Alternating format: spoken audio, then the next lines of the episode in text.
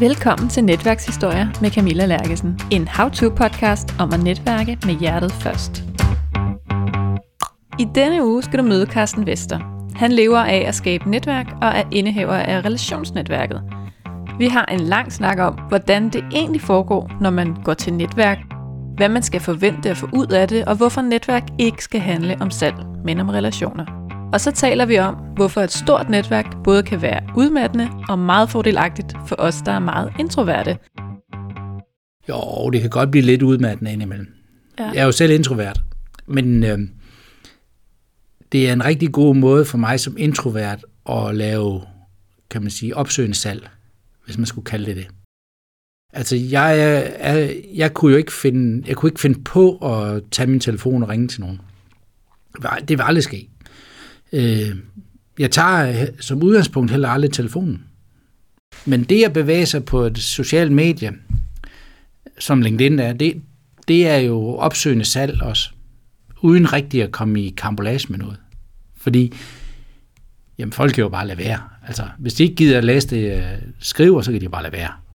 Du behøver ikke være introvert for at lytte med, for vi kommer vidt og bredt omkring det at netværke. Både gennem medlemsnetværk, LinkedIn og i det hele taget at være et godt og hjælpsomt menneske. Vores konklusion bliver, du får den med det samme. Don't be an asshole. Velkommen til Netværkshistorie, Carsten Vester. Du er relationsskaber, og jeg har jo lidt lyst til også at starte med at kalde dig relationsnørd af bedste skuffe. Mm. jeg har allerede sådan en fornemmelse af, at det her det bliver et godt langt afsnit. Det må vi se. Ja. Du har meget på hjerte om netværk, og det er ret fantastisk. Og jeg tænker, du skal næsten have lov til at starte med lige at præsentere dig selv kort, inden vi begynder rigtigt. Ja, det vil jeg gerne. Jeg hedder Carsten Vester. Jeg er 57 år, bor i Vejle med min kone. Vi har tre voksne børn, der er flyttet hjemmefra. Og i de sidste 15-16 år, der har jeg levet professionelt af at lave netværk, skråstreget relationer. Ja. Lidt som man nu vælger at definere et netværk. Men jeg kalder det relationer. Ja, hvordan kom du i gang med det? Som altid, når man får et job, så er det nok lidt tilfældigt. Øhm, jeg var på det tidspunkt ansat inden for det offentlige, i det kommunale system. Og der var der på et tidspunkt nogle øh, kommuner, der gik sammen om, om at arbejde sammen på kryds og tværs af kommunegrænser. Og det samarbejde blev jeg sådan sat i spidsen af, at jeg skulle prøve at se, om jeg kunne koordinere. Ellers havde jeg aldrig arbejdet i netværk før. Og så på et tidspunkt er der en forening, som bliver dannet øh, i Kolding, som skal arbejde med virksomhedernes sociale ansvar. Og de søger så en, en projektleder, og den søger jeg så.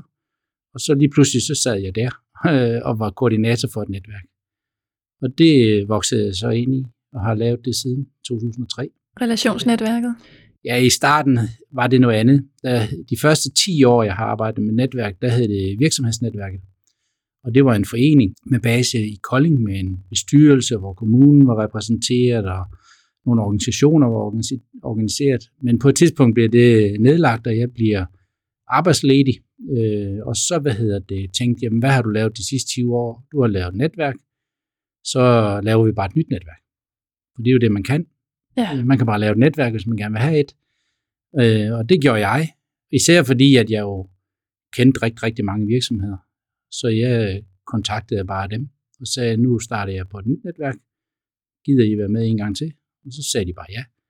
Og så kørte det derfra. Og hvad er relationsnetværket? Ja, relationsnetværket i dag er et netværk, som består af 155 offentlige og private virksomheder. Alt lige fra enmandsvirksomheder til mellemstore virksomheder, også helt op til IKEA og øh, Rockwool og store virksomheder. Vi arbejder med forskellige temaer. HR, ledelse, arbejdsglæde, forretning og virksomhedens sociale ansvar. Og inden for de temaer, der holder vi fysiske netværksmøder. 15, 20, 25 om året, sådan lidt ligesom det byder sig. Men hvor vi så mødes og skaber relationer til hinanden og deler viden. Så hvad kan man forvente sig, hvis man kommer til sådan et møde? Det man kan forvente sig, det er, at man, vi plejer altid at sige, at det har været et succesfuldt netværksmøde, hvis du kan gå derfra med nogle relationer, du ikke kendte i forvejen. Altså du har lært nogle nye at kende i dag, som du ikke kendte i forvejen. Og så skulle du gerne gå derfra med noget viden, som du ikke havde i forvejen. Mm. Så du skal blive klogere. Vi arbejder ikke med forretningselementet øh, i vores netværksmøder, selvom vi godt ved, at det er sådan en underliggende præmis for at mødes i sådan nogle typer B2B-netværk. Men det er ikke noget, vi arbejder i sådan og taler om. Vi samles omkring et tema, og så bliver vi klogere på det. Mm. Ja, fordi jeg kan godt lide at prøve med den her podcast at gøre ting sådan lidt mere gennemsigtige. Mm-hmm. Og der er nemlig mange, der spørger mig sådan, så er man med i et netværk, og hvad, og hvad så? Ja, hvad så? Ja, Ja, så er man der, så betaler man en masse penge for at være med i det, og så sker der ikke rigtig noget. ja og Ja. så er det sådan noget med, at den ene øh, skal gøre noget for den anden, for at Ja. man kan noget. Men det er jo også rigtigt. Altså netværk er jo, er jo bygget op omkring gode, altså jeg plejer altid at sige, at det er den gode relation, der skaber den gode forretning. Og så kan forretningen være defineret på forskellige måder. Det kan også godt være, at det er den gode relation, der skaber et nyt job for dig. Det er den gode relation, der skaber noget hjælp, du har brug for. Øh, men, men forudsætningen for, for det hele, det bygger på, at man har nogle gode relationer til nogle mennesker omkring sig, som man kan række ud til, og som, når man rækker ud, uanset hvad det er, man rækker ud efter, så er der nogen, der lytter i den anden ende, og gerne vil svare tilbage. Mm. Øhm, det er lidt ligesom at råbe ind i en skov, så skulle der gerne komme et ekko tilbage. Øh, og, og, og der er der mange, som oplever, at, at de godt kan være med i nogle netværk, og så råber de, og så sker der ikke rigtig noget. Men min pointe i det, det er bare, det er fordi, man ikke har gode relationer. Man har ikke lavet noget sammen, man har ikke oplevet noget sammen, man har ikke gjort noget sammen. Og man kan ikke bare forvente, at folk, sådan, hvis man ikke rigtig har en rigtig god relation, at man så bare lige tuner ind på, at man har bedt om hjælp. Mm. Der er mange jobsøgere, der siger til mig, jamen, nu du siger, at jeg bare skal aktivere mit netværk, men der sker ikke noget. Nej, men så må man, så må man nødt til at lige gribe tilbage til sin egen barm og sige, hvad har du egentlig givet til dit netværk? Fordi det er jo et give og tage forhold, når man taler gode relationer. Man kan ikke bare tage, man er også nødt til at give. Og det starter som regel med at give, for at man kan tage eller få. Jamen, det er den gode gamle, du Ja. skal være mod andre, som du ønsker, de skal være mod dig. Jo mere du giver, jo mere får du tilbage. Ja. Og sådan er det bare. Øh, Og det kan man ikke øh, gøre noget ved, fordi det, den menneskelige natur, tror jeg, er sådan, at jamen, man vil nok gerne hjælpe langt hen ad vejen. Man vil også godt have noget igen. Altså, man vil ikke bare give.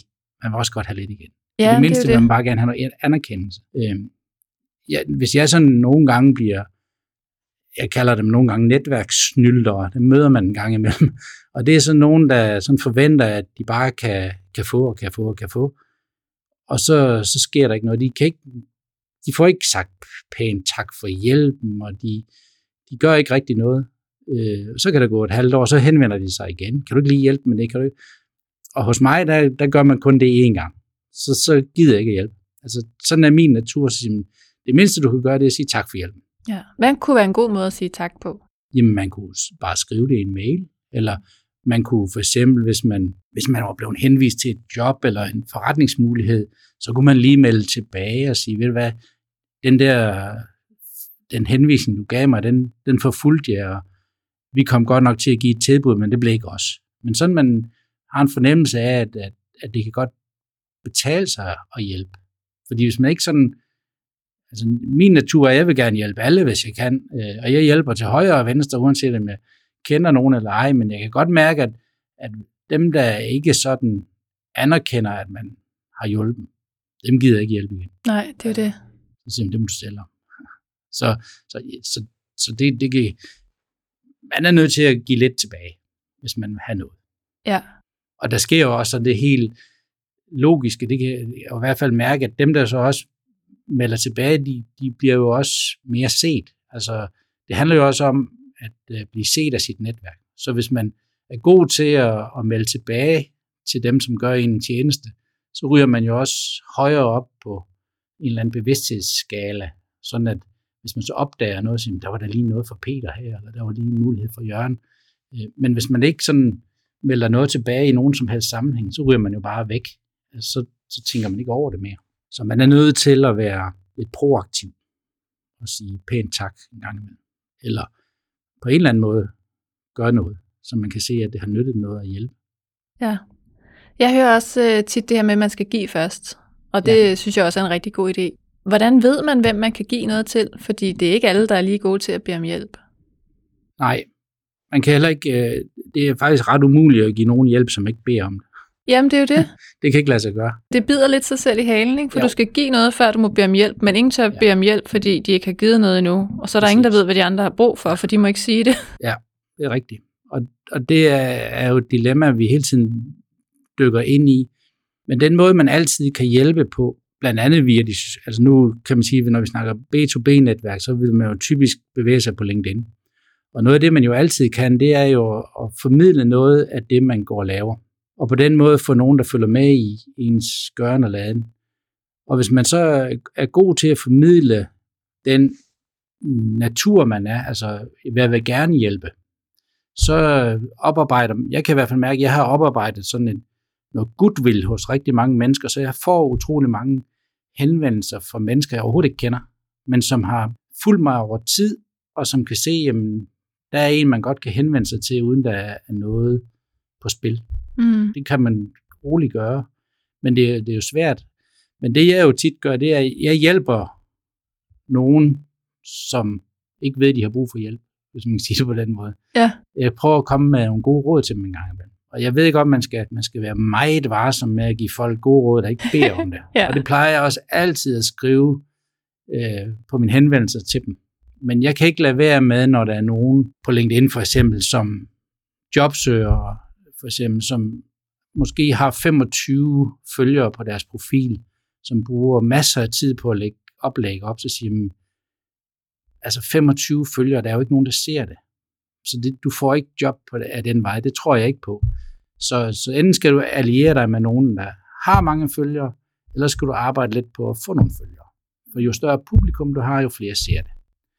Øh, og det, nogle gange så kan jeg ikke lade være med at skrive til dem. Husk nu at få et ordentligt profilbillede på. Prøv nu lige at få nogle flere følgere.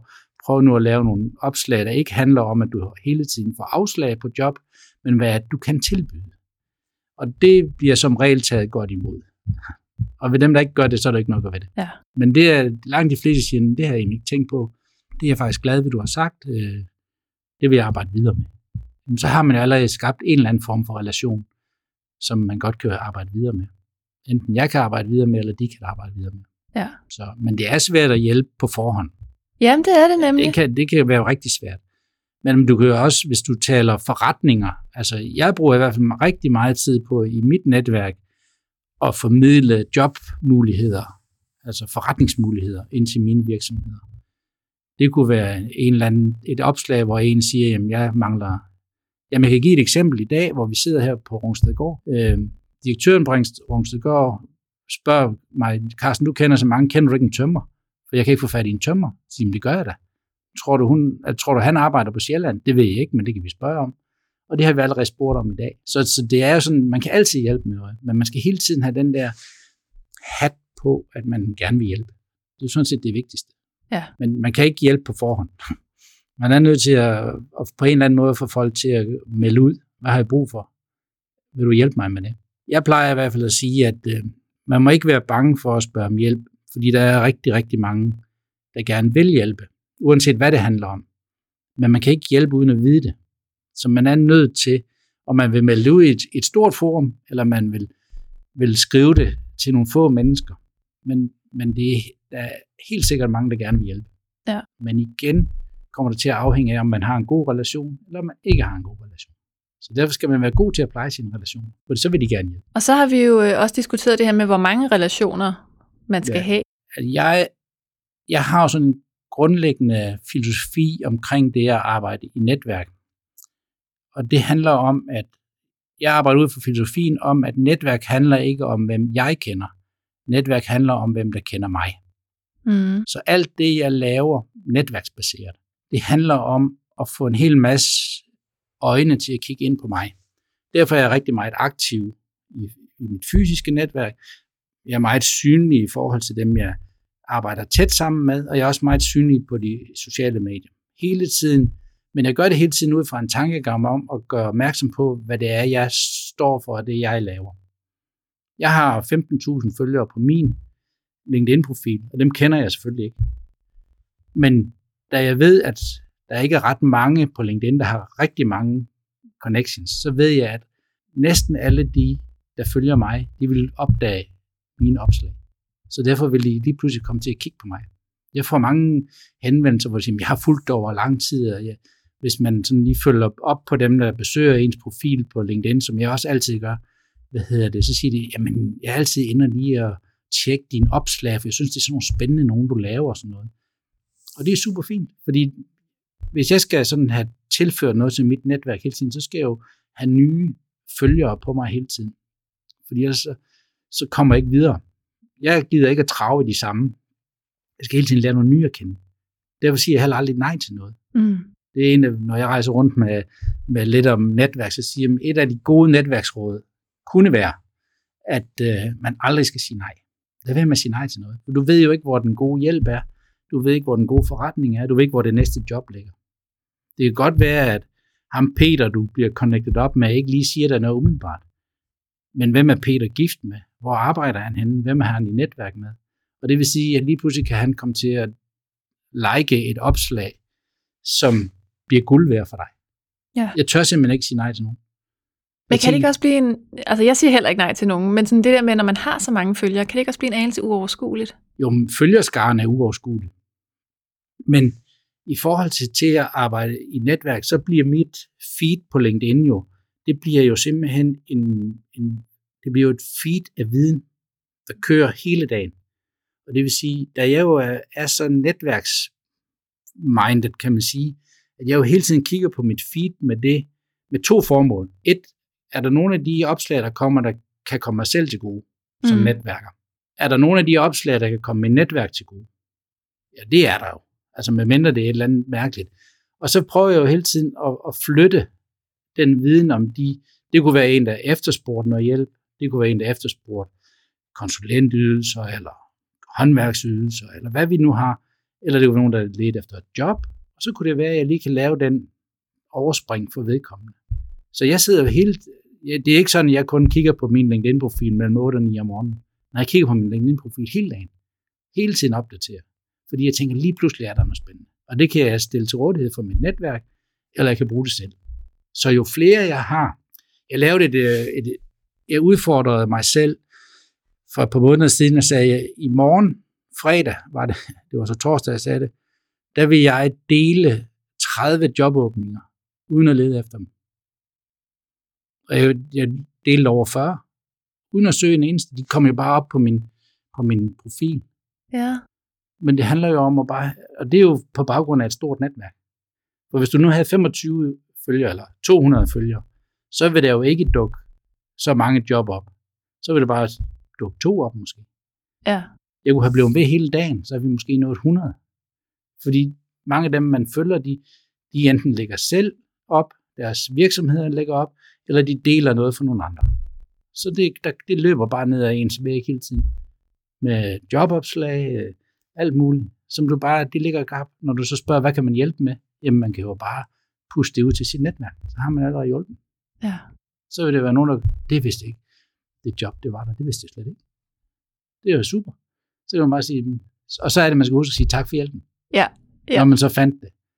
Altså, vi havde det. Jeg havde et eksempel i dag, øh, hvor en Legoland, øh, de har et stillingsopslag omkring en marketingkoordinator, og den deler jeg så øh, i mit netværk. Så lidt senere ser jeg så øh, en person, som har en i mit netværk har liket et, en anden persons netværk, en jeg ikke er connected med, som søger job som marketingkoordinator i Midtjylland.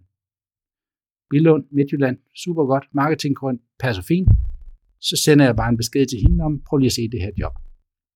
Men det er jo svineheld, men svineheld skal man jo også opsøge. Ja, men det er jo Eller, det. Ellers kommer det jo ikke. Og når der så er nogen som dig, der, der sørger for at connecte den der information, mm. for ellers så tænker jeg, så kan det jo hurtigt blive, altså der kan man næsten blive oversvømmet af information. Fordi hvis jeg nu connectede med alle, jeg mødte på min vej, og ja, samtlige herre fra Danmark. Det skal du gøre. Giver det så overhovedet mening at, at have dem, fordi så er det jo bare naboen og dem, jeg møder i bussen? Nej, det bliver ikke støj.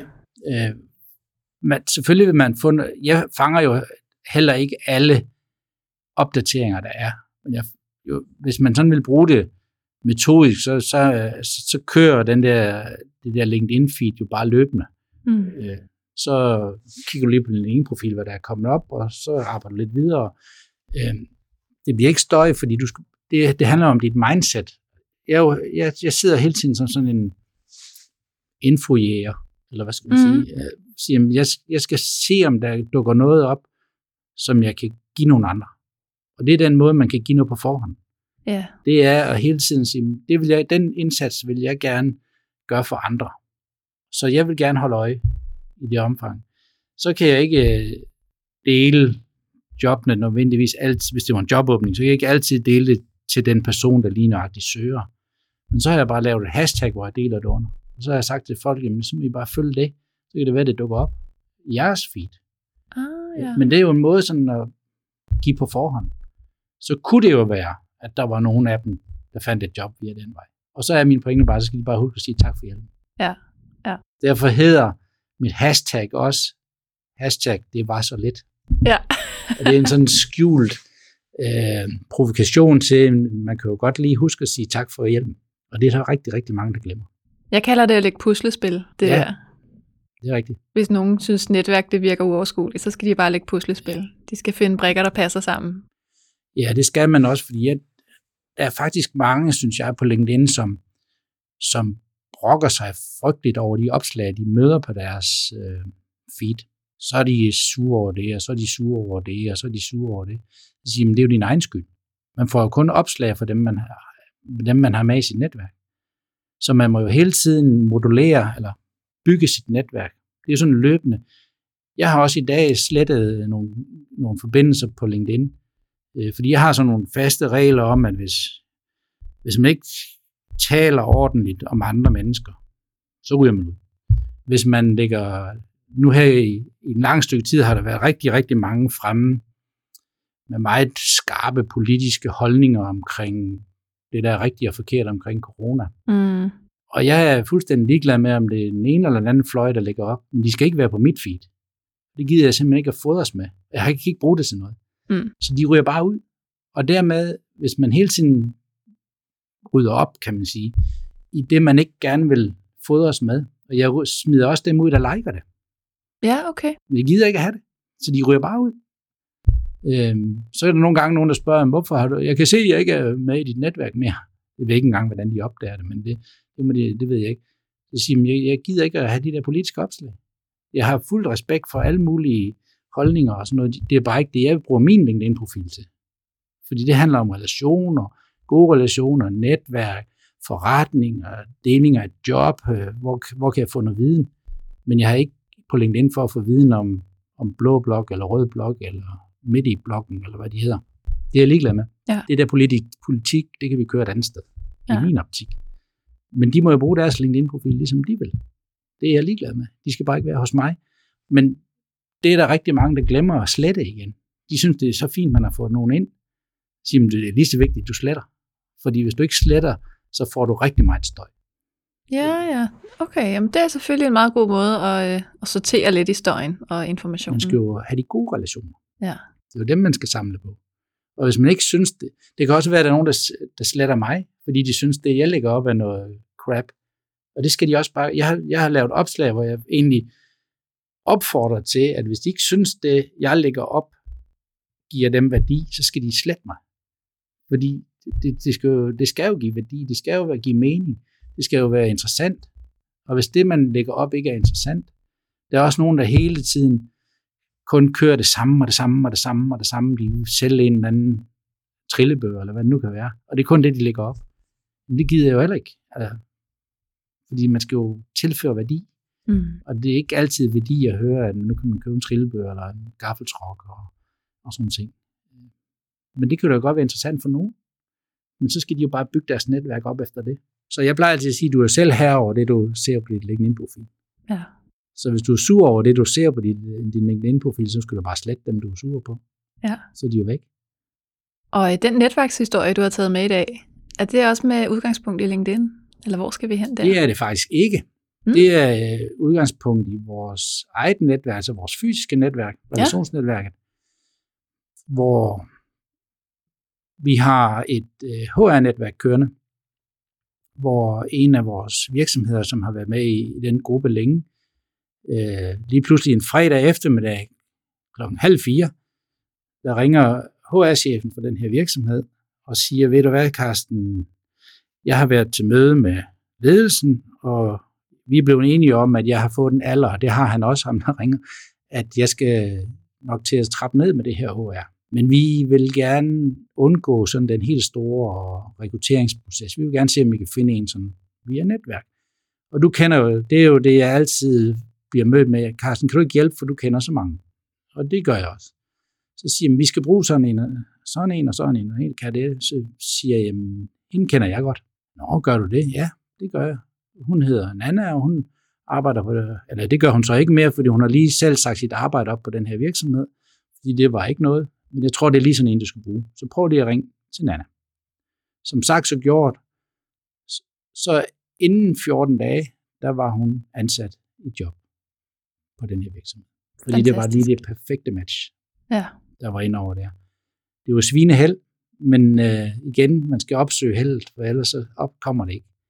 Så, så sent som i torsdags, der var jeg sammen med Nana, og hun sagde, at det var, det var fantastisk, og hun er i det job endnu, og det er, tror jeg, det er tre år siden, eller sådan noget. Så, så det kan sagtens lade sig gøre. Men igen, den her virksomhed, der ringer, skal jo turde bede om hjælp hos en, som de ved, der gerne vil hjælpe, hvis man, jeg plejer at sige, at jeg hjælper gerne, hvis jeg kan, men det er ikke sikkert, at jeg kan, men jeg vil gerne.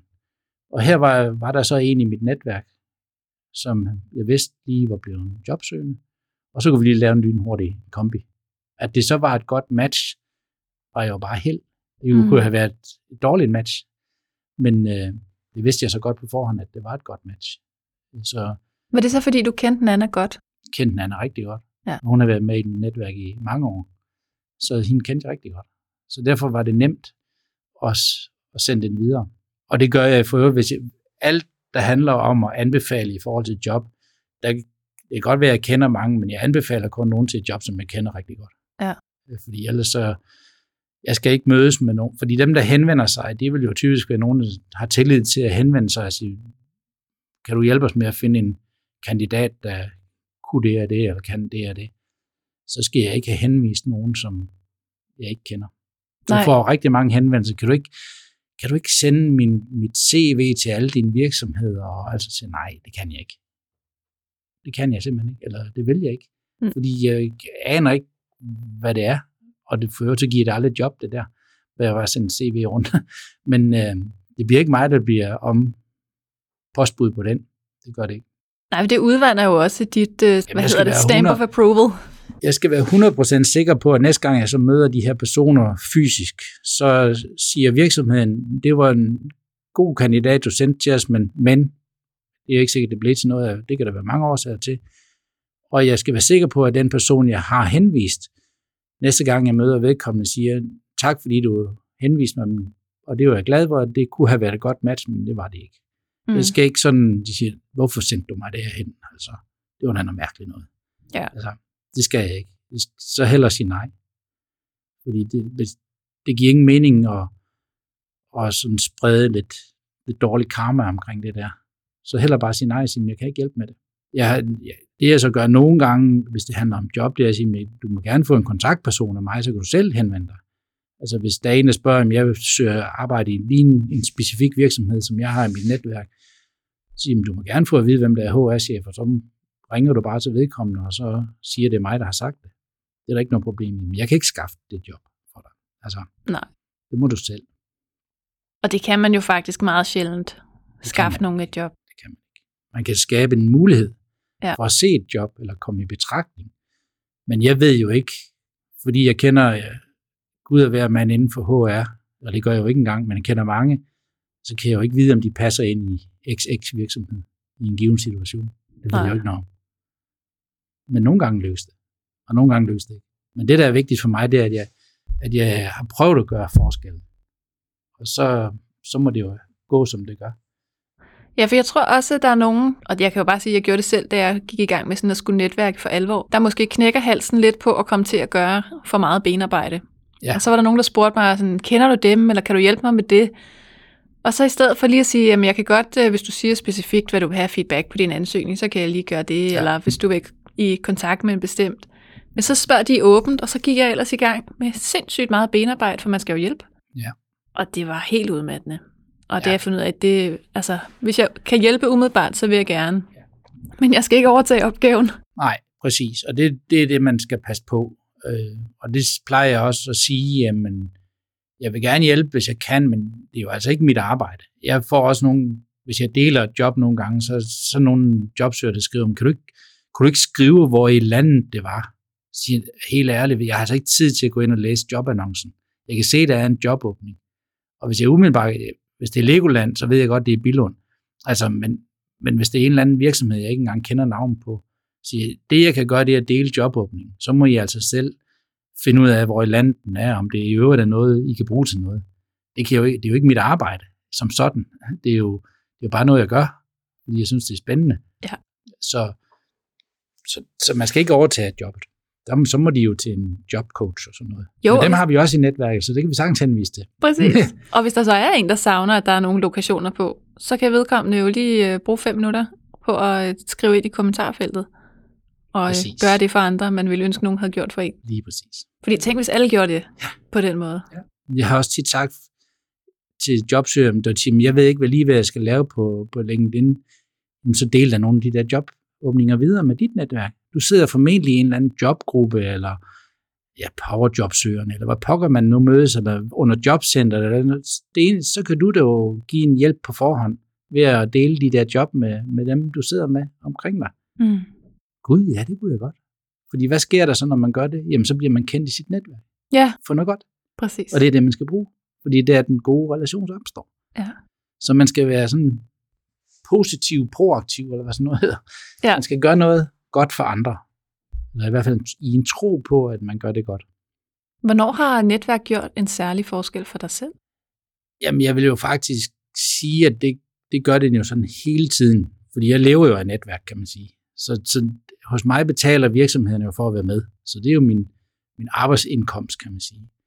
Men jeg, det, da det for alvor gik op for mig, hvor, hvor meget stærke relationer betyder, det var jo rent faktisk, da jeg blev fyret i det gamle netværk, og var ude i 3-4 måneder, tror jeg, øh, og stod der som Moses ved Røde Hav, og ikke vidste, hvad jeg skulle, og synes at ens markedsværdi var falden fra 110 til 0, og der var nok ikke nogen, der kunne lide en, og det var forfærdeligt det hele.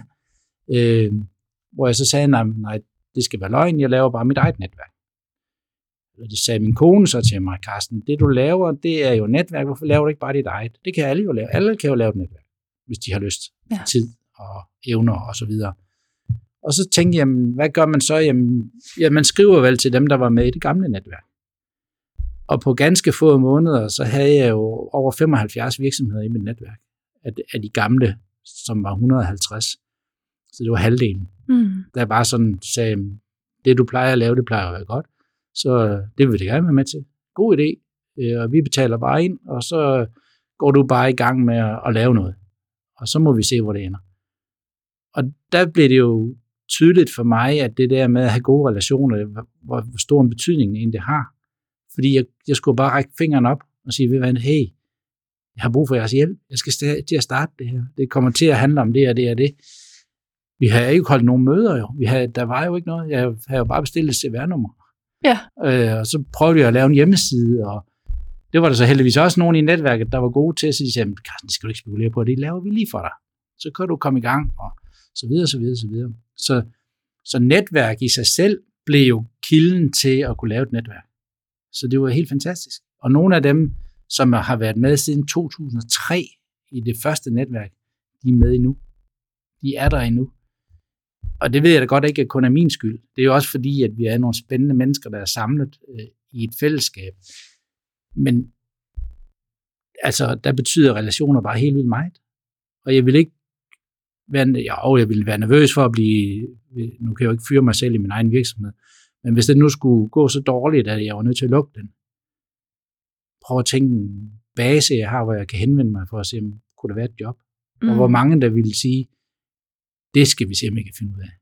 Vi er ikke sikre, at vi har et job til dig, men vi skal nok prøve at se, om vi kan finde ud af noget. Ja, præcis. Så det, er- der betyder netværk helt vildt. Og det, det, det synes jeg faktisk er synd, at mange, der ikke har det netværk.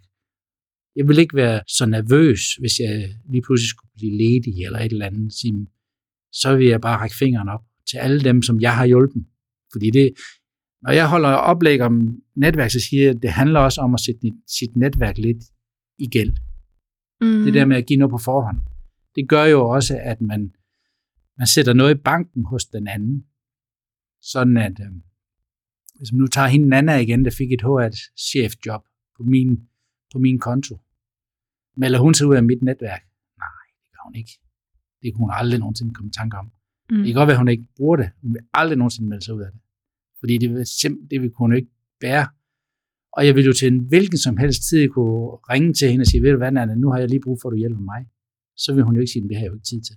Nej. Så hun bare sige, selvfølgelig, du hjælper mig, nu hjælper jeg dig.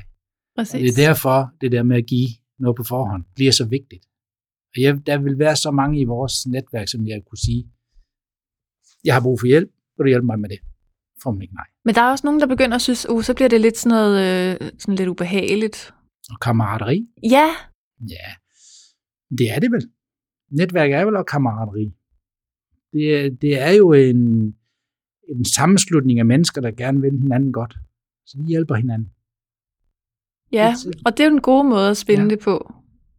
Fordi der er også nogen, der vil høre det som, Nå, men så mødes vi, fordi jeg skal lige se, hvad jeg kan få ud af jer. Ja, ja. Det vil der være. Men sådan vil det jo være med alle, han har sagt, livsforhold. Der vil være nogen, der kigger på det positivt, og så vil nogen, der altid kan se djævelens advokat i det. Mm. At, Nå, men det er også bare dem, og det er også lidt logeagtigt, eller et eller andet. Og, men det er jo, altså, om du så kalder det loge, kammerateri eller relationer, så betyder kendskabet til hinanden og, og det, at man har oplevet noget sammen, gjort noget sammen, talt sammen, det gør jo, at man også har lyst til at hjælpe hinanden. Hvis man mm. ellers opfører sig ordentligt over for hinanden. Fordi ellers får man ikke hjælp. Så, så jo, altså, der er der ingen tvivl om, at de virksomheder, der er med i mit netværk, de får mere service af mig, end dem, der ikke er. Det er klart. Ja, det er jo det. For hvorfor skulle jeg betale for at være med? Altså, der, jeg får løbende henvendelser fra virksomheder. Kunne du ikke gøre dit? Så jo, det kan jeg i hvert fald. De skal bare lige tegne et medlemskab. Mm. Fordi der er jo nogen, mange forskellige typer mennesker, men der er jo nogen, der tror, at netværk, det er sådan noget, man bare kan trække på. Altså, det er sådan noget, kommunen har sat i værk, eller sådan noget. men det er det ikke. Det er, det er jo min virksomhed. Den lever jeg af. Mm. Der er nogle gange, der siger, det vil vi da ikke betale for at komme til, til netværksmøde eller sådan noget. Så skal I bare blive væk. Jamen, det kan da ikke passe, siger de så. Men siger, kan jeg få noget gratis ned i din butik? Kan jeg hente maling ned i din butik, uden at betale for det? Nej, det kører da ikke, det koster jo. Ja, lige præcis. Men der er nogen, der tror, at netværk, det er bare sådan noget, der er nogen, der har skabt, og så kan man bare bruge det. Mm. Og det er det ikke. Nej, det er det. Ikke altid. Så, så nej, man skal, man skal gøre sig umage for at få noget igen. Ja. Så det kan bare være svært især som ikke har noget. Det er jo derfor, at mange jobsøgere har svært med netværk, fordi de løber jo altid panden ind mod en mur og sige, at det jeg, kan, det jeg kan bidrage med, det er, at jeg ikke har noget arbejde. Men det er bare helt forkert, fordi det, min pointe, når, hvis vi nu skulle snakke jobsøger, netværk, LinkedIn, siger, at det er jo fint nok, at man gerne vil gøre opmærksom på, at man ikke har et arbejde. Men måske skulle man gøre mere opmærksom på, hvad man kan bidrage med. Skrive noget om, jeg plejer at sige, hvis du er arbejdsløs ingeniør, det var faktisk en, jeg havde sidste uge, så jeg kan ikke finde ud af, hvad jeg skal skrive. Men skriv der noget, du må have lavet noget som ingeniør. Har du bygget et hus? Har du bygget en bro? Har du et eller andet? Der må der være en hel masse ting, som optager dig som ingeniør, som definerer din profession og det, du kan. Det er det, du skal fortælle, for det er jo det, en ny arbejdsgiver gerne vil høre om. Din nye arbejdsgiver gider ikke at høre, om du er træt af, at du er plus 50, og du har fået 12 afslag, og det er også for dårligt, at virksomheden ikke smager ordentligt igen og sådan nogle ting. Det er jo ikke sådan nogen, de vil have. De vil jo have nogen, der siger, ja, er rigtig, jeg har lige bygget, da jeg var i det projekt, der var jeg med til at lave Amager forbrænding, eller hvad pokker jeg har været med til. Altså, det er jo lige meget. Men noget, som, som trigger dem, som skal ansætte en. Mm. Der er ikke nogen, der gider at skrive op, at læse opslag om, hvor forfærdeligt det er at være blevet 50, og det er også for dårligt, og øh, de virksomhederne svarer ikke, og de kunne godt have gjort sig umage med den, der, det der afslag, og bla bla bla bla. Og selvfølgelig kunne de det. Det bidrager bare til ingenting. Det er bare støj. Mm. Man kan ikke bruge det til noget. Man skal bruge sin taletid til at kommunikere noget, som andre kan bruge til noget. Og så kan det godt være, at der er nogen, der lytter til det her og siger, at der er også andre, der kan så få noget ud af, at det er træls at være over 50 eller et eller andet. Men det er bare ikke det, der man får et job ud af. Altså, det gør man ikke. Man skal fortælle om det, man kan, det, man har lavet, og det, man kan bidrage med. Det er det, man skal poste, synes jeg. Ja, Alt det der negative om det ene og det andet, og det er også for dårligt. Og jeg ved ikke, hvor mange, der næsten hver dag har et opslag om, hvor sure de er på alle mulige arbejdsgiver. Altså, tænker, det skal man da nok få et job af. Det er da lige sådan nogen, man leder efter. Nå, det er faktisk, det har jeg slet ikke tænkt over, men det er da rigtigt. Jamen, prøv at tænke, hvis man skulle ansætte en medarbejder, og man har fundet vedkommendes profil på LinkedIn, og så, så går man ind og siger, de seneste indlæg, det er også for dårligt, de der arbejdsgiver. De vil heller ikke ansætte øh, kvinder over 50, og de bla bla bla bla bla bla. Og så tænker man bare som arbejdsgiver, okay, jeg vide, om der er en længere nede på søgningen, som har fortalt om, at jeg er pissegod til det her, jeg har lavet det, og jeg synes også, det er spændende, hvis jeg kunne, og bla bla bla bla. Ja. Altså, det er et splitsekund, man bliver valgt til eller fra. Man bliver helt sikkert ikke valgt til på grund af alt det brok og ja, alt det, der man kan komme til at skrive på en eller anden måde. Og jeg, får, øh, jeg, har, jeg, har, jeg skriver tit med dem, og jeg har fuld forståelse for al den øh, frustration, der kan være omkring det, med, med for mange afslag. Jeg har også selv en datter, som har gået arbejdsløs længe efter at have afsluttet sin kandidatuddannelse på, på universitetet. Men altså, man får jo ikke job af at lave opslag om, at det er også for dårligt, at man ikke har fået noget job. Nu har jeg også gået på universitet i så mange år, og nu er der ikke nogen, der har brug for mig alligevel. Det får man ikke job af. Så tænker man, sådan en skal man da ikke have ansat. Man må skrive noget om, nu har jeg været på universitet i, og jeg er klar til at løse opgaver inden for det og det, og under min studietid, der har jeg arbejdet med de projekter og de virksomheder og alle de her ting, som kunne være definere ens person og ens faglighed, i stedet for alt det der brok der. Det får man ikke arbejde på. Jeg plejer at, øh, at skælne, når jeg underviser, og det mindede du mig bare lige om, at vi jo har forskellige målgrupper. Jeg er jo Ja. retoriker, så jeg elsker jo at nørde i kommunikationssituationer. Men når man netop laver de der opslag, som du siger, det kan være, at der er nogle andre jobsøgende, der kan kende sig selv i, at ja. det er frustrerende, og at de bliver glade. Og så er det så den målgruppe, du henvender dig til lige nu. Og der tror jeg nogle gange, folk glemmer ligesom at se, hvad er målet? Det er at få job. Hvem er så dit retoriske publikum, der kan få det til at ske? Det er ikke de andre jobsøgere. Hvis målet er sparring, så kan du henvende dig til de andre jobsøgere. Hvis målet er et job, så skal du henvende dig til nogen, der kan hjælpe dig med at få et job. Og der ser jeg også nogen, der går til kaffemøder, og til mange kaffemøder, og er vildt frustreret, fordi de har hørt, at du skal gå til kaffemøder, og så får du et job. Men så, så plejer jeg at sige, at så skal du øh, lige tjekke af, at mål det passer med retorisk publikum. Mm. Fordi hvis du så går til kaffemøder med en, der ikke ansætter, jamen så, får, så må målet være at få information om virksomheden. Men den, altså så, er det, så er det ikke det retoriske publikum til at få job, hvis ikke de kan ansætte. Giver det mening? At man lige skal sådan... Det er rigtigt. Fordi der har faktisk været nogen, der har fået aha-oplevelser, når jeg har fortalt det, og sagt, gud ja. Fordi så var det jo faktisk en succes, det kaffemøde. Jeg fik information om virksomheden, men jeg fik ikke et job, for det var ikke dit retoriske publikum, du mødtes med. Der er alt for mange, der går til de der kaffemøder med det sigte, at den, man har kaffemøde med, er den, der kan give en et job. Ja. Og det, det er ikke sådan, det foregår. Nej, det er det nemlig Nej, ikke. det er det ikke. Det er jo sjældent, at man går til kaffemøde med lige nøjagtigt den, der ansætter. Fordi så vil man komme til ansættelsessamtale. Ja, Og det er jo noget andet. Nej, man skal bruge de der kaffemøder til at blive klogere, til at skabe sig indgange, skabe sig et, som du siger, viden om virksomheden, men også viden om nogle personer, som man kan, nu når vi nu snakker så meget om LinkedIn, mm. men som man kan connecte med, som man kan begynde at følge og holde øje med, hvad, hvad, hvad der rører sig. Fordi det vil jo være inde i det felt, at der vil komme nogle opslag, eller nogle forespørgseler, eller nogle, nogle overvejelser om et eller andet, som man så skal være knivskarp på, og så reagere på. Ja. Og sige, det der, I spørger om, der, lige det der, I lagde op, der, det, det er lige noget, det jeg kan. Ja. Og det kan være, at man skal have nogle led ind. Ja. Jeg har også for nylig, jeg skulle have et nyt banklån, og jeg ringede til min egen bank, og de lød meget skeptiske. så blev jeg da lidt bekymret. Og så skrev jeg til, til Mikkel, som jeg kender i Nordea, og han sidder i en helt anden lederstilling. Han sidder ikke og uddeler Nej. banklån. Så mit retoriske publikum for et banklån er jo ikke ham. Men jeg kunne skrive og sige, hey Mikkel, sådan relativt ung, nyuddannet, er det realistisk at få et banklån i Nordea? Og så kunne han sige, jeg kan lige øh, give dit nummer videre til en af mine dygtige rådgivere. Og så kunne han hjælpe mig med det banklån. Men jeg havde jo ikke fået fat i en dygtig rådgiver, eller en, der måske var interesseret i at give mig et lån, hvis ikke jeg lige havde spurgt den vej.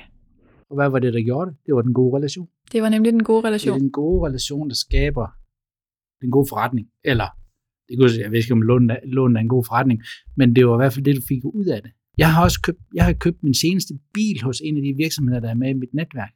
Fordi lige pludselig havde vi en autoforhandler med, som lavede en hel masse i vores netværk, og var meget involveret. Og så skulle vi lige pludselig have en, eller ikke lige pludselig, lige pludselig skulle, og lige pludselig skulle vi have en ny bil. Så siger jeg til min kone, siger, vi starter lige nede hos Autohuset Vestergaard, ja. fordi de er med i mit netværk. Og hvad endte det med, at vi købte en bil der til over 300.000? Ja. Det gjorde vi da selvfølgelig, fordi det var jo en god relation. Og det lurer mig, om jeg måske kunne have fået en lidt billigere bil et andet sted. Det kunne godt være. Men nu ved jeg også, hver gang jeg kommer, så er det et sted, hvor folk kender mig. Og jeg får lidt seneste gang, det skal du ikke betale for. Det, det er jo bare lige noget, vi ordner for dig. Og sådan, super, super godt, det hele. Og du kommer aldrig til at spekulere på, om du er blevet snydt? Aldrig nogensinde. Mm. Og det er så fint, det hele, men det er den gode relation. Ja. Jeg har sådan et horn i siden på en af de banker, der er med i mit netværk, fordi de vil ikke gå til netværksmøder. Nå. Så siger hvorfor vil I ikke det? Jamen, vi får jo aldrig nogen kunder med hjem, siger de så. Jeg siger, nej, men du kan ikke, du kan ikke forvente at møde op til hvilket som helst netværksmøde, så sidder der en gruppe af 15 mennesker, og så rejser du dig op og siger, Grav, jeg kommer fra den her bank, og jeg, jeg vil gerne have flere kunder. Så, så kan du ikke forvente, at der er nogen som helst af dem, der hopper over på skødet af dig og siger, det er faktisk bare dig, vi har ventet på. Nej. det, det, det var det godt, du kom. Nu skal vi have lagt vores hus om, og vi skal have alt muligt. Omprioritere, alt muligt. Det skal vi have. Det er ikke sådan, det handler. Det er ikke sådan, vi handler med hinanden. Nej, det handler om, at du over tid møder de her mennesker og skaber en god relation. Fordi så den dag, at de har behov for en bank, lige netop ligesom dig, så vil de sige, nu skal vi jo have købt nyt hus, en nyt bil, eller et sommerhus, eller hvad nu er, vi skal have. Hvem skal vi lige starte med? Mm. Ham der, der er med i det der netværk, det er ham starter vi med. Så ringer vi bare til ham og siger, goddag, vi vil godt lige snakke om det her. Fint, I kommer bare. Den måde, man skal dyrke sine gode relationer, fordi lige pludselig får man jo brug for dem. Ja, det er det. Og jeg kunne sikkert have fundet en billigere bank et andet sikkert. sted, men jeg vil bare hellere have øh, den gode relation. Men det er da meget rar fornemmelse. Bliver taget lidt imod og bliver, lidt, bliver brugt lidt rundt i, i øh, butikken, kan man sige. Jamen, det er, er nemlig rart. det er bare dejligt. ja. Jeg siger, men er det dig, der har snakket med XX? Ja, det er det. Nå, jeg kan forstå på mine kollegaer og bla bla bla. Så er man jo allerede i gang. Nemlig. Og så skal man lige huske at connecte med vedkommende. Så har man ham lige i sit netværk. Ja, ja. Snedigt. Det glemte du. Ja, det, det glemte jeg ja. så lige. man skal connecte med alle, man møder på sin vej. Ja, det ved jeg stadig ikke, om jeg er helt enig i. Nej, men det skal du. Fordi det er jo lige netop dem, de har jo allerede gjort noget godt for dig. Eller mm. omvendt. Så dem skal du bare parkere i dit netværk, for du får lige pludselig brug for dem igen. Ja. Så skal du ikke ud og lede efter. Han er der. Alle, jeg har berøring med på en eller anden måde, dem connecter jeg med. Ja. Vi har jo når nogen siger, at de har, de har svært ved at opbygge deres netværk på LinkedIn, så er det blandt andet en af de der nøgler, de glemmer, eller værktøjer. Det er jo, at de løbende igennem en periode er i kontakt med rigtig mange mennesker. Det kunne være nogen, man møder til netværksmøder, det kan være nogen, man møder i jobklubber, det kan være nogen, man møder alle mulige steder. Hvis man så det bare gør sig den ulejlighed, hver eneste gang, man har haft en bare nogenlunde kontakt med folk, så lige går ind på sin LinkedIn-profil og siger, hej, det var hyggeligt at møde dig, kunne du ikke have lyst til at connecte med mig, så kunne vi sådan, så har man jo incitamentet til at connecte med folk. Så bliver man ikke afvist.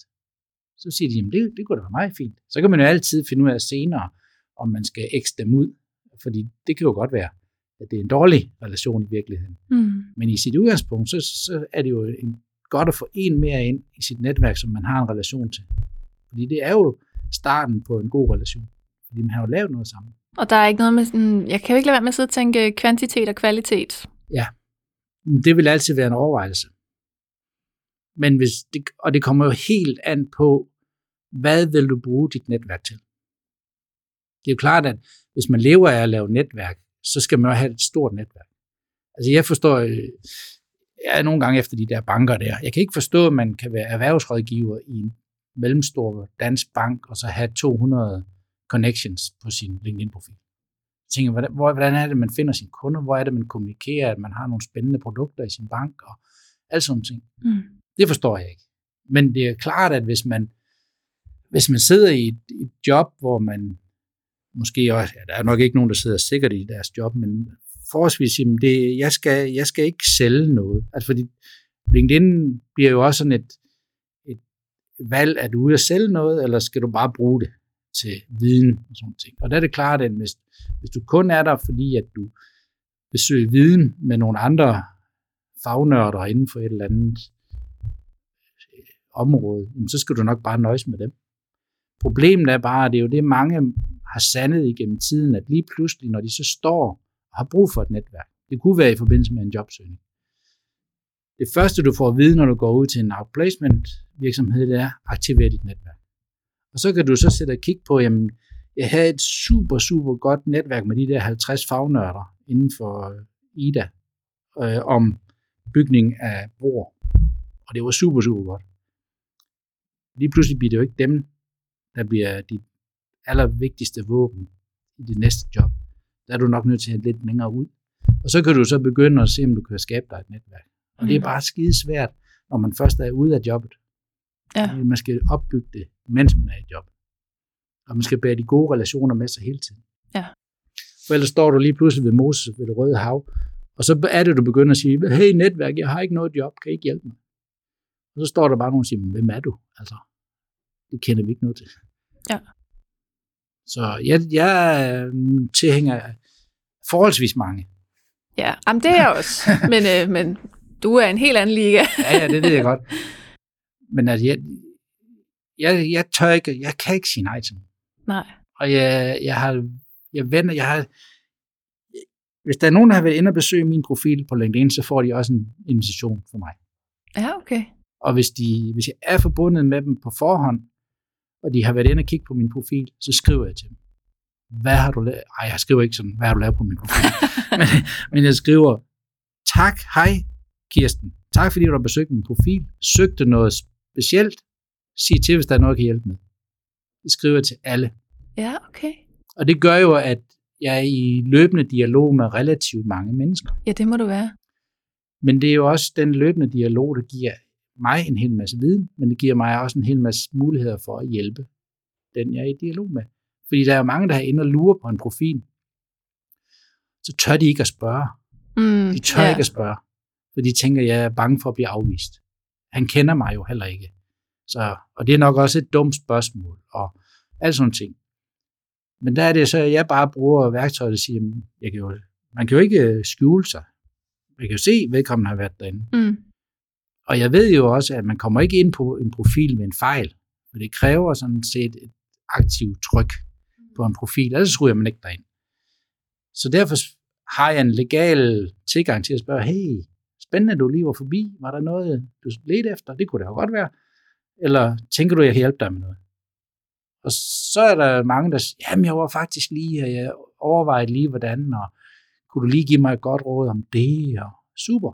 Fordi ved så at gå ind i den dialog og, og give den hjælp, man har, så har jeg jo fået en god relation.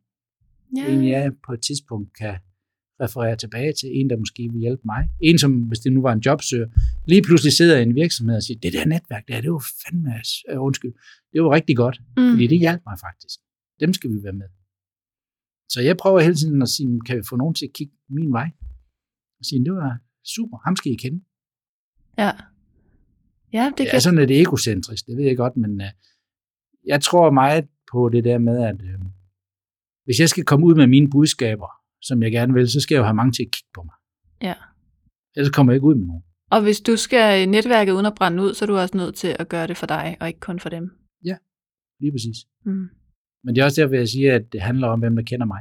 Ja. Altså, altså hvis, hvis man sådan skal være rigtig grov, så gør jeg det jo meget af det for usel mammum, kan man sige, fordi i virkeligheden vil jeg jo gerne profilere mit netværk. Mm. I virkeligheden, sådan helt, det må du ikke offentliggøre. jo, det må du. Men Uden i for citat. Ja, men i virkeligheden handler det jo om at gøre ens netværk lækker for virksomheder, som siger, at det der netværk, der sker simpelthen så mange spændende ting, det skal jeg simpelthen være en del af. Jeg kan simpelthen ikke undvære det der. Og jo, og jo flere, man, jo mere man får fortalt om det, jeg, vi synes er super, super spændende, øhm, jo flere gange vi fortæller noget om det, og folk ser på det, jo flere vil jo så synes, at det lyder sgu da. Nej, har de også det? Laver de også? Nej, gjorde de også det? Hjalp de også med det? Ja, de gjorde det. Og så er det jo, de siger, "Men det vil vi godt være med i det der netværk. Super. Mm. Så skal du da bare lige tegne et medlemskab. Ja. Så det er jo bare en forretningsmåde, kan man sige også. Ja, det er rigtigt. Altså nu sidder jeg jo her, øh, frøken mega introvert, og tænker, Carsten, det lyder også lidt udmattende med Mm. mm. de der rigtig, rigtig mange relationer og interaktioner. Ja. Er det ikke det? Jo, det kan godt blive lidt udmattende indimellem. Ja. Jeg er jo selv introvert, men øh, det er en rigtig god måde for mig som introvert at lave, kan man sige, opsøgende salg, hvis man skulle kalde det det. Ja. Altså, jeg, er, jeg kunne jo ikke finde, jeg kunne ikke finde på at tage min telefon og ringe til nogen. Det vil aldrig ske. Øh, jeg tager som udgangspunkt heller aldrig telefonen. Fordi jeg, jeg skal ikke snakke i telefon. Men mindre det er nogen, jeg kan se, jeg kender, så jeg kan jo se, hvem der ringer, så skal jeg nok tage den. Mm. Men ellers lader den ringe, og så må folk indtale en besked.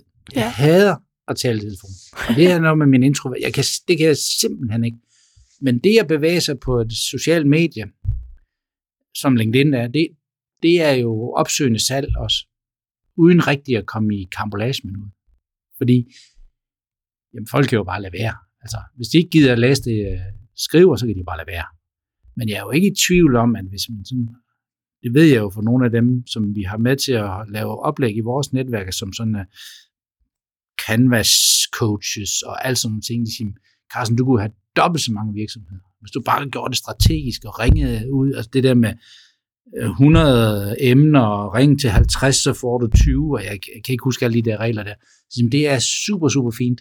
Det bliver bare ikke mig. Nej. Jeg skal ikke gøre det. Så derfor bliver det, det her sociale mediehalløj og postning og dialog med alle mulige, det er godt, det er godt for en introvert. tror jeg. Ja, det er vi. det tror jeg også. Det tror jeg, det er.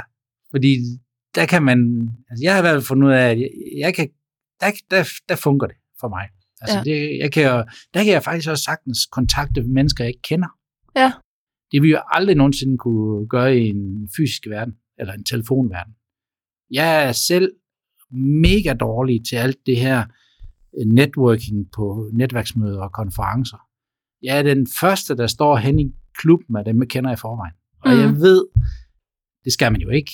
Dem kender jeg jo godt. Det er ikke nødvendigt at netværke med dem. Du skal over og snakke med nogle af dem, du ikke kender i forvejen. Jeg kan, det er meget, meget få øh, relationer, jeg henter hjem fra konferencer. Og, det er jeg ikke ret god til. ja. Og alligevel så insisterer du på fysiske netværksmøder i relationsnetværket. Ja, det gør jeg. Jeg, laver, jeg vil ikke lave online med. Nej. Det vil jeg ikke. Men jeg, jeg er ikke selv god til det. Men jeg, har, jeg tror, jeg har fundet en metode i mit fysiske netværksarbejde, som, som gør, at jeg kan være i det som introvert, men nu, er det ikke alle af dem, der er i netværket, der er introverte, de er jo også ekstroverte, men vi har fundet en metode, hvor vi kan mødes med hinanden, uden der er nogen, der sådan er nødt til at bakke i det, Mm. så synes, det er ubehageligt, eller uden det sådan er et overgreb mod ens introverthed eller noget. Altså, alle er trygge ved det. Hvad er det for en metode? Jamen, det der med, at man, man mødes for eksempel en til, i en-til-en samtaler, det gør vi meget ud af. Man, man mødes i nogle 15 minutters samtalerunder, hvor man sidder en til en og taler sammen, helt alene, væk fra alt. Man skal ikke op og stå og lave elevatortal. Og, altså, når man kommer til vores møder, så er der en, en hurtig præsentationsrunde, hvor man lige fortæller, hej, jeg hedder, jeg kommer fra, og sætter et par ord på det. og så er man ellers færdig med at skal være underholder den dag, så laver vi nogle øh, seancer, hvor man skal møde nogen, man ikke kender i forvejen. Og det kan være svært, især for introverte jo, Mm. men også for mange andre. Det der med, men der sætter vi dem sammen og siger, du, I skal prøve at sætte snak sammen i kvarter, men I må tale om, hvad I vil. Du skal ikke, du er ikke, det er ikke vigtigt, om du har en kompetence at byde ind, men det er ikke vigtigt, at du har noget salgslead, eller hvad det nu kunne være. Du skal bare sætte dig ned på din flade, og så skal du lytte og tale i kvarter. Bliv klogere på den, du sidder overfor. Skab dig en ny, god relation. Mm. Og den relation tager du med dig i din baglommen, når du går hjem i dag. Og så kan I så finde ud af over tid, om det var, var et godt møde, eller det bare var et møde. Ja. Det, det ved vi ikke. Men vi, skal, vi er nødt til at sætte os ned og tale sammen. Sådan i, i gode, trygge rammer. Du skal ikke have noget med. Du skal bare være der i dig selv. Og fortælle, hvad laver du? Hvad tænker du? Hvorfor er du her i dag til det her netværksmøde? Det kan man altid starte med. ja, Hvorfor er du her? det må man jo have en eller anden Ja. form for svar på. Ja, fordi vi har jo alle sammen, på alle vores netværksmøder, der har vi jo et fagligt tema. Det kunne være ja, øh, SEO-optimering af hjemmesider, eller salg med LinkedIn, eller øh, bedre arbejdsglæde, mindre stress, eller et eller andet. Og så kan man jo i hvert fald, hvis man ikke kan finde andet at snakke om, så kan man jo tale om, jamen, hvorfor har du valgt at bruge tre timer på at komme til det her netværksmøde i dag? Mm. Jamen, det kan være, fordi jeg kommer fra en eller anden virksomhed, der er lidt udfordret på det med stress og arbejdsglæde, så jeg er lige ude og finde ud af, hvad om der er nogle gode idéer, vi kan tage med hjem, eller, eller et eller andet. Ja. Alle har jo en eller anden grund til at være der. Det kan man få en god snak om. Eller jeg har, hvis det nu var om stress, jamen jeg har selv prøvet at have stress, så nu skal jeg ud og høre lidt. Og, jamen der kunne være mange ting. Ja. Så, men det der, man, at der ikke er sådan rigtig noget på spil, anden det at skulle mødes, tale sammen, få en relation, blive klogere. Det gør sådan, at skuldrene sænkes lidt, og nå, men du skal heller ikke have noget med herfra, du skal ikke have nogen forretninger med i dag. Altså, der er ikke nogen, der spørger dig, når du går ud af døren, har du solgt noget i dag? Nej, det arbejder vi ikke i. Øh, vi siger, når man går ud af døren fra vores netværksmøder, så skal du, hvis det skal være en succes, så skal du have lært nogen at kende, du ikke kendt på forhånd, og du skal have noget viden med hjem, som du ikke havde i forvejen. Hvis, de to, hvis man kan sætte kryds ved de to ting, så er det været et super godt møde. Ja, Og det kan man jo som regel. ja. Altså vi har også sat barrieren så lav, at vi altid har succes, ja kan man sige, ikke? Og det er meget klogt. I stedet for at vi sagde, jamen øh, vi, nu vil vi lige måle på, hvor mange forretninger har vi lavet i dag, og hvor mange ditten og datten. Øh, så, lægger vi, så kommer barrieren meget højt op, og så kan man lynhurtigt blive skuffet. Og så kan man jo devaluere sit eget netværk. Så vi stiller ikke nogen, nogen blå i øjnene om, at hos os laver man sin næste store kontrakt. Det gør man ikke. Hos os får man viden, og her får man relationer. Ja. Og så må man arbejde i dem, som måske kan føre til et, en god forretning. Det Og kan det har det, det, gjort regel. for mange. det har det gjort for mange. Det har det gjort for mange. Øh, men øh, vi vil ikke... Altså, der sker jo tit det der i de netværk, i hvert fald det, jeg har prøvet, at for det første, så er de, altså hvor det er meget med forretning, at de er meget dyre at være medlem af, og jo dyrere et netværk er at være medlem af, jo mere fokus har du på din egen udbytte af mødet. Mm. Og det er øh, bare det dummeste i forhold til at lave netværk.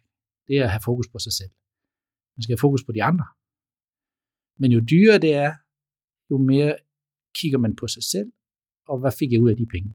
Mm. Så der har vi også lagt vores medlemskontingenter på sådan et niveau, at jeg har altid sagt fra starten, at der skal ikke være nogen, der gerne vil være i netværk, som ikke har råd til at være med i vores netværk. Ja, okay. Så vi har jo alle, også i små iværksættere og alt muligt, som ikke vil kunne komme ind i et sponsornetværk eller nogle større netværk, som koster 10, 15, 20, 30.000 om året. Det vil jo aldrig kunne. Alt for stor en indgriben i deres lille virksomhed. Ja. Så hvad hedder det? det er, alles, hos os skal alle, der har lyst til netværk, kunne være med. Og hvis vi skal... Øh, nu har vi været omkring rigtig mange ting. Hvis man nu skulle opsummere her til slut til et godt netværksråd, hvad har du så lyst til at give videre? hvis man skulle opsummere til et godt netværksråd, så altså,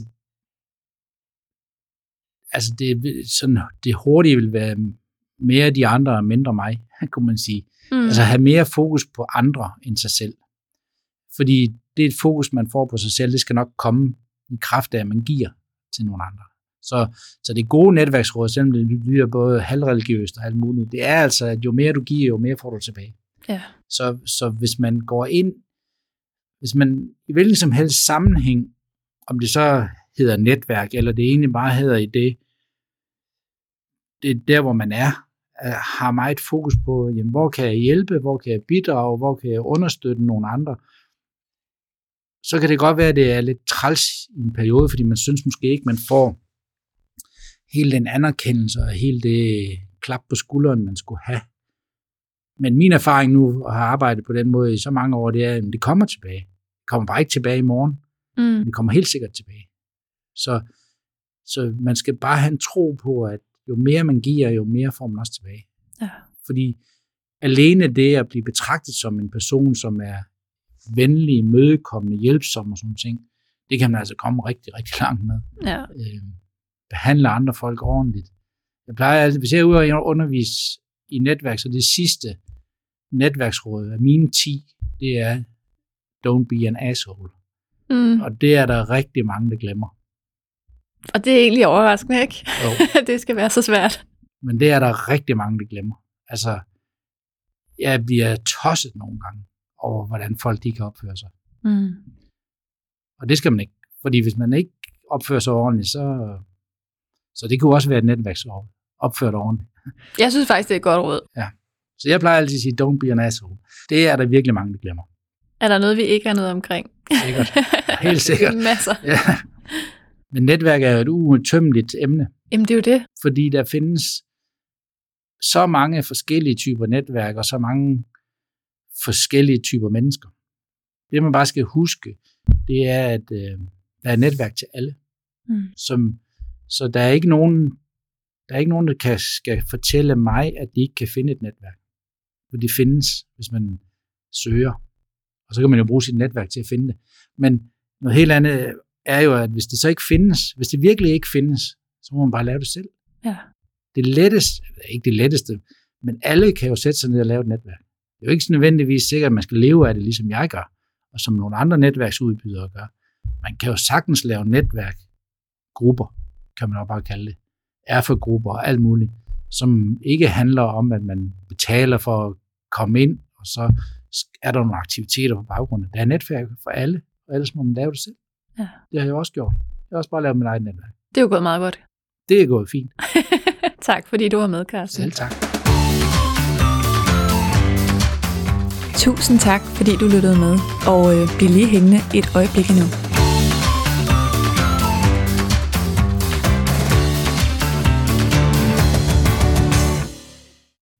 I det her afsnit har Carsten og jeg talt om betalingsnetværk, og i forrige afsnit talte jeg med Torleif Godved om at sende en lille hilsen til sit netværk. Han sendte nemlig relationsbejere til dem, han gerne ville netværke mere med i det nye år. Men hvor stor en udgift må sådan noget networking egentlig blive, for at det stadig er en god forretning? Og må jeg trække kontingenterne fra, når jeg er medlem af et netværk? På torsdag udgiver jeg endnu et torsdagsnørde afsnit, hvor jeg har stillet en revisor alle de spørgsmål, jeg kunne finde på om økonomi og netværk. For hvad med relationsbejere og porto? Må jeg trække det fra, når jeg sender hilsner til mit netværk? Eller hvis jeg nu tager toget til kaffemøde, må jeg så trække både kaffe og togbillet fra? Lyt med på torsdag, når vi nørder netværk med revisoren.